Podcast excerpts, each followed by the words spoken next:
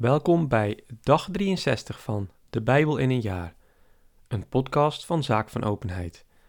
Vandaag lezen we nummer 21 en 22, Psalm 63 en Marcus 9, vers 1 tot en met 29.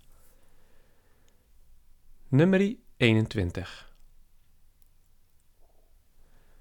Toen de Canaanitische koning van Arad, die in de Negeb woonde, hoorde dat Israël de weg naar Atarim had ingeslagen, viel hij Israël aan en nam eniger hunner gevangen. Toen deed Israël aan Jahweh deze gelofte. Zo gij dit volk in mijn hand levert, zal ik hun steden met de ban slaan. Toen Jahweh Israël had verhoord en de Canaanieten had overgeleverd, sloeg men dan ook hun steden met de ban en noemde die stad Gorma. Van de berg Hor braken zij op in de richting van de Rode Zee, om rond het land van Edom te trekken. Maar door die tocht werd het volk ongeduldig en sprak tegen God en Mozes: Waarom hebt ge ons uit Egypte geleid om te sterven in de woestijn? Want we hebben geen brood en geen water, en we walgen van die armzalige kost. Daarom zond Jehovah vergiftigde slangen onder het volk, die het beten, zodat er velen van Israël stierven. Toen liep het volk naar Mozes en sprak: Wij hebben gezondigd, want we zijn onbeschaamd geweest tegen Jehovah en tegen u. Bid Jehovah toch dat hij de slangen van ons wegneemt. En Mozes bad voor het volk. Toen sprak Jehovah tot Mozes: Maak een slang en bevestig die aan een paal. Dan zal iedereen die gebeten is en er naar opziet in leven blijven. Mozes maakte een koperen slang en bevestigde die aan een paal. En wanneer iemand door een slang werd gebeten en hij zag op naar de koperen slang, dan bleef hij in leven. Toen trokken de Israëlieten verder en legerden zich de Obot. Van Obot trokken zij verder en legerden zich de Ijehaabarim in de woestijn, ten oosten van Moab. Vandaar trokken zij verder en legerden zich in het dal Zeret. Vandaar trokken zij verder en legerden zich aan de overkant van de Arnon, waar hij nog in de woestijn ligt en uit het land der Amorieten komt. Want de Arnon is de grens van Moab tussen Moab en de Amorieten. Daarom heet het in het boek van de oorlogen van Jewe, Waheb in Sufa en de kloven van Arnon. De steilste der kloven die zich uitstrekt tot de omgeving van Ar en aanleunt tegen de grenzen van Moab. Vandaar trokken zij verder naar Beer. Dit is de welput waar je wet tot Mozes heeft gesproken. Roep het volk bijeen, en ik zal hun water geven. En wel, en waar Israël toen dit lied heeft gezongen. Wel op, gij put, zingt hem ter eer, de put die de koningen hebben gegraven, vorsten van het volk hebben gedolven, met hun scepter, met hun staven. Van Beer trok men verder naar Matana, van Matana naar Nachlaliel, van Nachaliel naar Bamoth, van Bamoth naar het dal in de vlakte van Moab, en naar de top van de Pisga, die oprijst ten oosten van de woestenij. Nu zond Israël gezanten naar Sichon, de koning der Amorieten, met de boodschap: Ik zou graag door uw land trekken. Wij zullen niet door uw velden en wijngaarden gaan en geen water drinken uit uw putten, maar de koninklijke weg blijven houden, zolang we door uw gebied trekken. Maar Sigon stond Israël niet toe door zijn gebied te trekken. Sigon verzamelde al zijn volk, trok Israël in de woestijn tegemoet, rukte op naar Jahas en greep Israël aan. Israël joeg hem over de kling en nam zijn land in bezit van de Arnon af tot de Jabok, dus tot aan de Ammonieten toe, want Jazer was de grens der Ammonieten. Israël veroverde al de steden der Amorieten en vestigde zich in die steden, tot zelfs in Gesbion en al haar onderhorige plaatsen. Want Gesbion was de stad van Sichon, de koning der Amorieten, die vroeger tegen de koning van Moab had gestreden en hem toen al zijn land had ontrukt tot de Arnon toe. Daarom zeggen de zangers: Komt om Gesbion te herbouwen, de stad van Sichon te versterken. Want een vuur ging uit van Gesbion, een vlam uit Sichons stad. Het verteerde de steden van Moab, verslond de hoogten van de Arnon. Wee u, Moab, gij zijt verloren, volk van Kemosh. Zijn zonen heeft hij tot vluchtelingen gemaakt, zijn dochters gevangenen van Sigon, den Amorietenkoning. Hun spruiten kwamen om, van Gesbon tot Dibon, hun vrouwen tot Nofach, dat bij Medeba ligt. Toen Israël in het land der Amorieten vaste voet had gekregen, liet Mozes Jazor verspieden, nam het met haar onderhorige plaatsen in en verdreef de Amorieten die daar woonden. Daarna veranderden zij van richting en sloegen de weg in naar Basjan. Maar Och, de koning van Basjan, rukte hen met al zijn volk bij Edrei tegemoet om hen te bestrijden. Doch Jewe sprak tot Mozes: Vrees hem niet, want ik heb hem met heel zijn volk en heel zijn land in uw hand geleverd. Ge moet met hem doen wat ge met Sigon, de koning der Amorieten, hebt gedaan, die in Gesjebon woonde.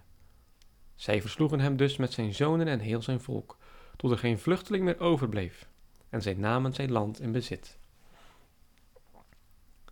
Nummer 22 Daarna trokken de Israëlieten verder en legerden zich in de velden van Moab, aan de overkant van de Jordaan bij Jericho. Maar Balak, de zoon van Sippor, had alles gezien wat Israël de Amorieten had berokkend. En Moab werd zeer bevreesd voor het volk, omdat het heel talrijk was, en vol angst voor de Israëlieten sprak Moab tot de oudsten van Midjan: Die zwerm zal nog heel de omtrek kaal vreten, zoals het rund de velden afgraast. Daarom stond Balak, de zoon van Sippor, die toen koning van Moab was, gezanten naar Balaam, den zoon van Beor, te Petor aan de rivier in het land van zijn volksgenoten, om hem te ontbieden. Ze moesten zeggen: Daar is een volk uit Egypte getogen, dat het land overdekt en zich vlak naast mij heeft genesteld. Kom dus en vervloek mij dat volk, want het is mij te machtig. Misschien kan ik het dan verslaan en het uit het land verdrijven. Want ik weet, wien gij zegent, is gezegend, en wien gij vervloekt, is vervloekt. De oudsten van Moab en Midjan gingen dus op weg en namen het waarzeggersloon met zich mee. Ze kwamen bij Balaam aan en brachten hem het verzoek van Balak over. Hij gaf hun ten antwoord: Blijf vannacht hier, dan deel ik u de beslissing mee, die Jaweh mij ingeeft. De vorsten van Moab bleven dus bij Balaam overnachten. Nu verscheen God aan Balaam en sprak: Wie zijn deze mannen die bij u overnachten? Balaam zeide tot God: Balak, de zoon van Sippor, de koning van Moab, heeft mij laten berichten. Daar is een volk uit Egypte getogen dat het land overdekt. Kom dus en vervloek het voor mij. Misschien kan ik het dan overwinnen en verdrijven. Maar God sprak tot Balaam: Gij moogt niet met hen meegaan en dat volk niet vervloeken, want het is gezegend. Daarom zei Balaam de volgende morgen tot de vorsten van Balak: Gaat terug naar uw land, want Jawij wil mij niet toestaan met u mee te gaan. De vorsten van Moab vertrokken dus, kwamen bij Balak aan en zeiden: Balaam heeft geweigerd met ons mee te gaan. Toen zond Balak opnieuw vorsten, talrijker en aanzienlijker nog dan de eersten. Ook deze kwamen bij Balaam aan en zeiden tot hem: Zo spreekt Balak, de zoon van Sippor: Laat u toch niet verhouden tot mij te komen, want ik zal u vorstelijk belonen, en al wat gij mij zegt zal ik doen. Kom slechts en vervloek mij dat volk. Maar Balaam antwoordde de dienaren van Balak: Al gaf Balak mij zijn huis vol zilver en goud.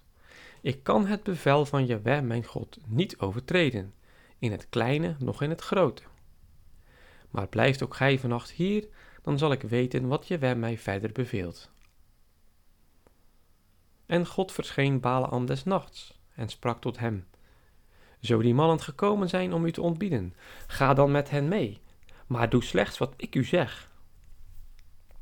Balaam maakte zich dus in de morgen gereed, zadelde zijn ezelin en ging met de vorsten van Moab mee. Toch was God vergramd dat hij ging. Daarom plaatste een engel van Jewe zich op de weg om hem tegen te houden, terwijl hij vergezeld van twee dienaren op zijn ezelin kwam aangereden. Toen de ezelin de engel van Jewe met het getrokken zwaard in de hand op de weg zag staan, week de ezelin van de weg af en ging het veld in. Balaam sloeg de ezelin om haar weer op de weg terug te brengen. Nu plaatste de engel zich op een smal pad dat tussen de wijngaarden liep en aan weerskanten een muur had. Toen de ezelin den engel van Jewe zag, drong zij zich tegen de muur en knelde de voet van Balaam tegen de muur. Hij sloeg haar opnieuw. Daarna ging de engel van Jewe verder en plaatste zich op een nauw punt, waar geen gelegenheid was om naar rechts of links uit te wijken. Toen de ezelin den engel van Jewe zag, ging ze onder Balaam liggen. Balaam werd kwaad en ranselde de ezelin met een stok. Maar nu opende Jewe de bek van de ezelin en ze zei tegen Balaam, Wat heb ik u toch gedaan, dat ge me nu voor de derde maal slaat? Balaam antwoordde de ezelin, Omdat ge mij voor de gek houdt. Had ik een zwaard in mijn hand, dan sloeg ik je dood. De ezelin vervolgde tot Balaam, Ben ik niet uw ezelin, waarop ge van jongs af rijdt tot de dag van vandaag? Ben ik gewoon mij tegenover u zo te gedragen? Hij antwoordde, Nee, toen opende Jewe de ogen van Balaam, zodat hij de engel van Jewe op de weg zag staan, met het getrokken zwaard in zijn hand. Hij wierp zich neer en boog zich met zijn aangezicht ter aarde. De engel van Jewe sprak tot hem. Waarom slaat gij uw ezelin nu al voor de derde maal? Zie, ik ben uitgetrokken om u tegen te houden, want uw tocht is tegen mijn wil. De ezelin heeft mij bespeurd en is driemaal voor mij uitgeweken. Had ze het niet gedaan, dan had ik u gedood, maar haar in leven gelaten. Toen zei Balaam tot een engel van Jewe, Ik heb gezondigd, ik wist immers niet dat gij op de weg voor mij stond. Als het u dus niet behaagt, keer ik terug. Maar de engel van Jewe zei tot Balaam, Ga met die mannen mee, doch spreek slechts wat ik u zeg. Toen ging Balaam met de vorsten van Balak mee. Zodra Balak hoorde dat Balaam een aantocht was, trok hij hem tegemoet tot Ar-Moab, dat aan de Arnon ligt, aan de uiterste grens van het land. En Balak zei tot Balaam, Heb ik u niet dringend laten ontbieden? Waarom kwaamt ge dan niet naar mij toe? Gij dacht zeker dat ik u niet genoeg kon belonen. Maar Balaam antwoordde Balak, Zie, ik ben tot u gekomen, maar ik zal geen ander woord kunnen spreken dan Jewe mij in de mond legt. Balaam ging met Balak verder en zij kwamen te Kiriat Gusot. Daar offerde Balak runderen en schapen en liet, er van, aan Balaam brengen en aan de vorsten die hem vergezelden. De volgende morgen nam Balak Balaam met zich mee en deed hem Bamoot Baal bestijgen, van waar hij het volk tot de uiterste rijen kon overzien.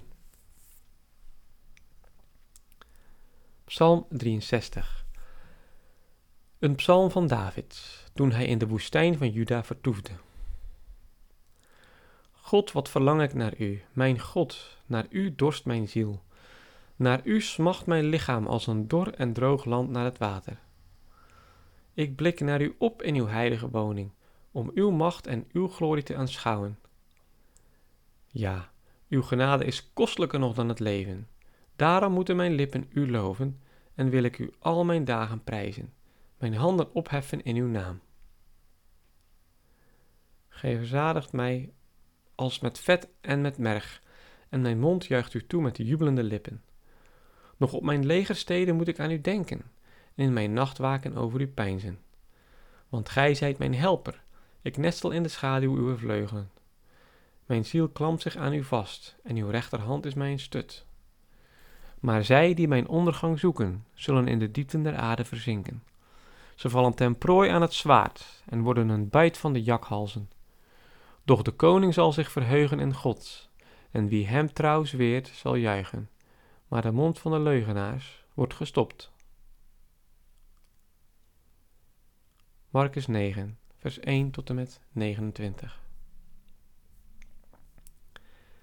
Nog sprak hij tot hen: Voorwaar, ik zeg u, daar zijn er onder de hier aanwezigen die de dood niet zullen smaken, voordat ze het koninkrijk Gods hebben zien komen in kracht.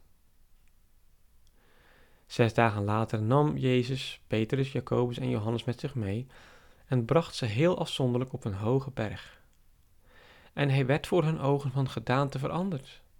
Zijn klederen werden blinkend en wit, zoals geen bleker op aarde ze wit kan maken. Elias en Mozes verschenen hun en spraken met Jezus. Toen nam Petrus het woord en zei tot Jezus: Rabbi, het is ons goed hier te zijn. Laat ons drie tenten opslaan: één voor u, één voor Mozes en één voor Elias. Hij wist niet goed wat hij zeide, want ze waren met schrik bevangen. Nu kwam er een wolk die hen overschaduwde, en uit de wolk klonk een stem: Deze is mijn geliefde zoon, luistert naar hem. Op hetzelfde ogenblik keken ze rond, maar zagen niemand meer bij zich dan Jezus alleen. En terwijl ze afdaalden naar de berg, verbood hij hun aan iemand te vertellen wat ze hadden gezien, voordat de mensenzoon van de doden was opgestaan. Ze hielden zich aan dat woord. Toch vroegen ze onder elkander wat het beduidde, op te staan van de doden. Ze ondervroegen hem dus. Waarom zeggen de fariseeën en schriftgeleerden dan dat eerst Elias komen moet? Hij gaf hun zeker ten antwoord. Zeker, Elias komt ook eerst om alles te herstellen. Maar hoe staat er over de mensenzoon geschreven? Dat hij veel zal lijden en veracht zal worden. En ik zeg u, Elias is reeds gekomen, maar ze hebben met hem gedaan wat ze wilden, gelijk van hem geschreven staat. Toen zij nu bij de andere leerlingen kwamen, zagen zij hen omringd van een talrijke schare en van schriftgeleerden die met hen twisten. Zodra het volk hem zag, liep het verbaasd naar hem toe om hem te begroeten. Hij vroeg hem: Waarom twist gij met hen? Een uit de menigte antwoordde hem: Meester, ik heb mijn zoon tot u gebracht, die van een stomme geest is bezeten. Wanneer hij hem aangrijpt, dan werpt hij hem neer. Dan schuimbekt hij, knarst met de tanden en verstijft. Ik heb uw leerlingen verzocht hem uit te drijven, maar ze konden het niet. Hij antwoordde hun: O ongelovige geslacht, hoe lang nog zal ik bij u zijn? Hoe lang nog zal ik u dulden? Brengt het hier bij mij. Ze brachten hem. Zodra de geest hem zag, deed hij den knaap de stuipen krijgen. Hij viel op de grond en wentelde zich schuimbekkend rond. Hij vroeg aan zijn vader: Hoe lang heeft hij dit al dat hem dit overkomt? Deze zeide: Van kindsbeenderen af. Dikwijls werpt hij hem in het vuur of in het water om hem te doden. Ach, indien het u mogelijk is, help ons dan uit medelijden met ons. Jezus sprak tot hem: Hoe, indien het voor u mogelijk is? Alles is mogelijk voor hem die gelooft. Aanstonds riep de vader van de knaap onder tranen uit: Ik geloof, kom mijn ongeloof te hulp. En daar Jezus zag dat het volk ze samenriep, gebood hij den onreinen geest en zeide hem: Stomme en dove geest, ik gebied u, Ga van hem uit en keer niet meer bij hem terug. Schreeuwend en onder hevige stuiptrekkingen ging hij van hem uit. Maar de knaap, en de knaap zag eruit als een lijk, zodat velen zeiden dat hij gestorven was. Maar Jezus vatte hem bij de hand en richtte hem op en hij stond weer. Toen hij thuis was gekomen, vroegen zijn leerlingen hem, terwijl zij alleen waren, Waarom konden, waarom konden wij hem niet uitdrijven? Hij zei hen: Dit soort kan alleen met gebed worden uitgedreven. Tot zover het woord van God. Deo gratias.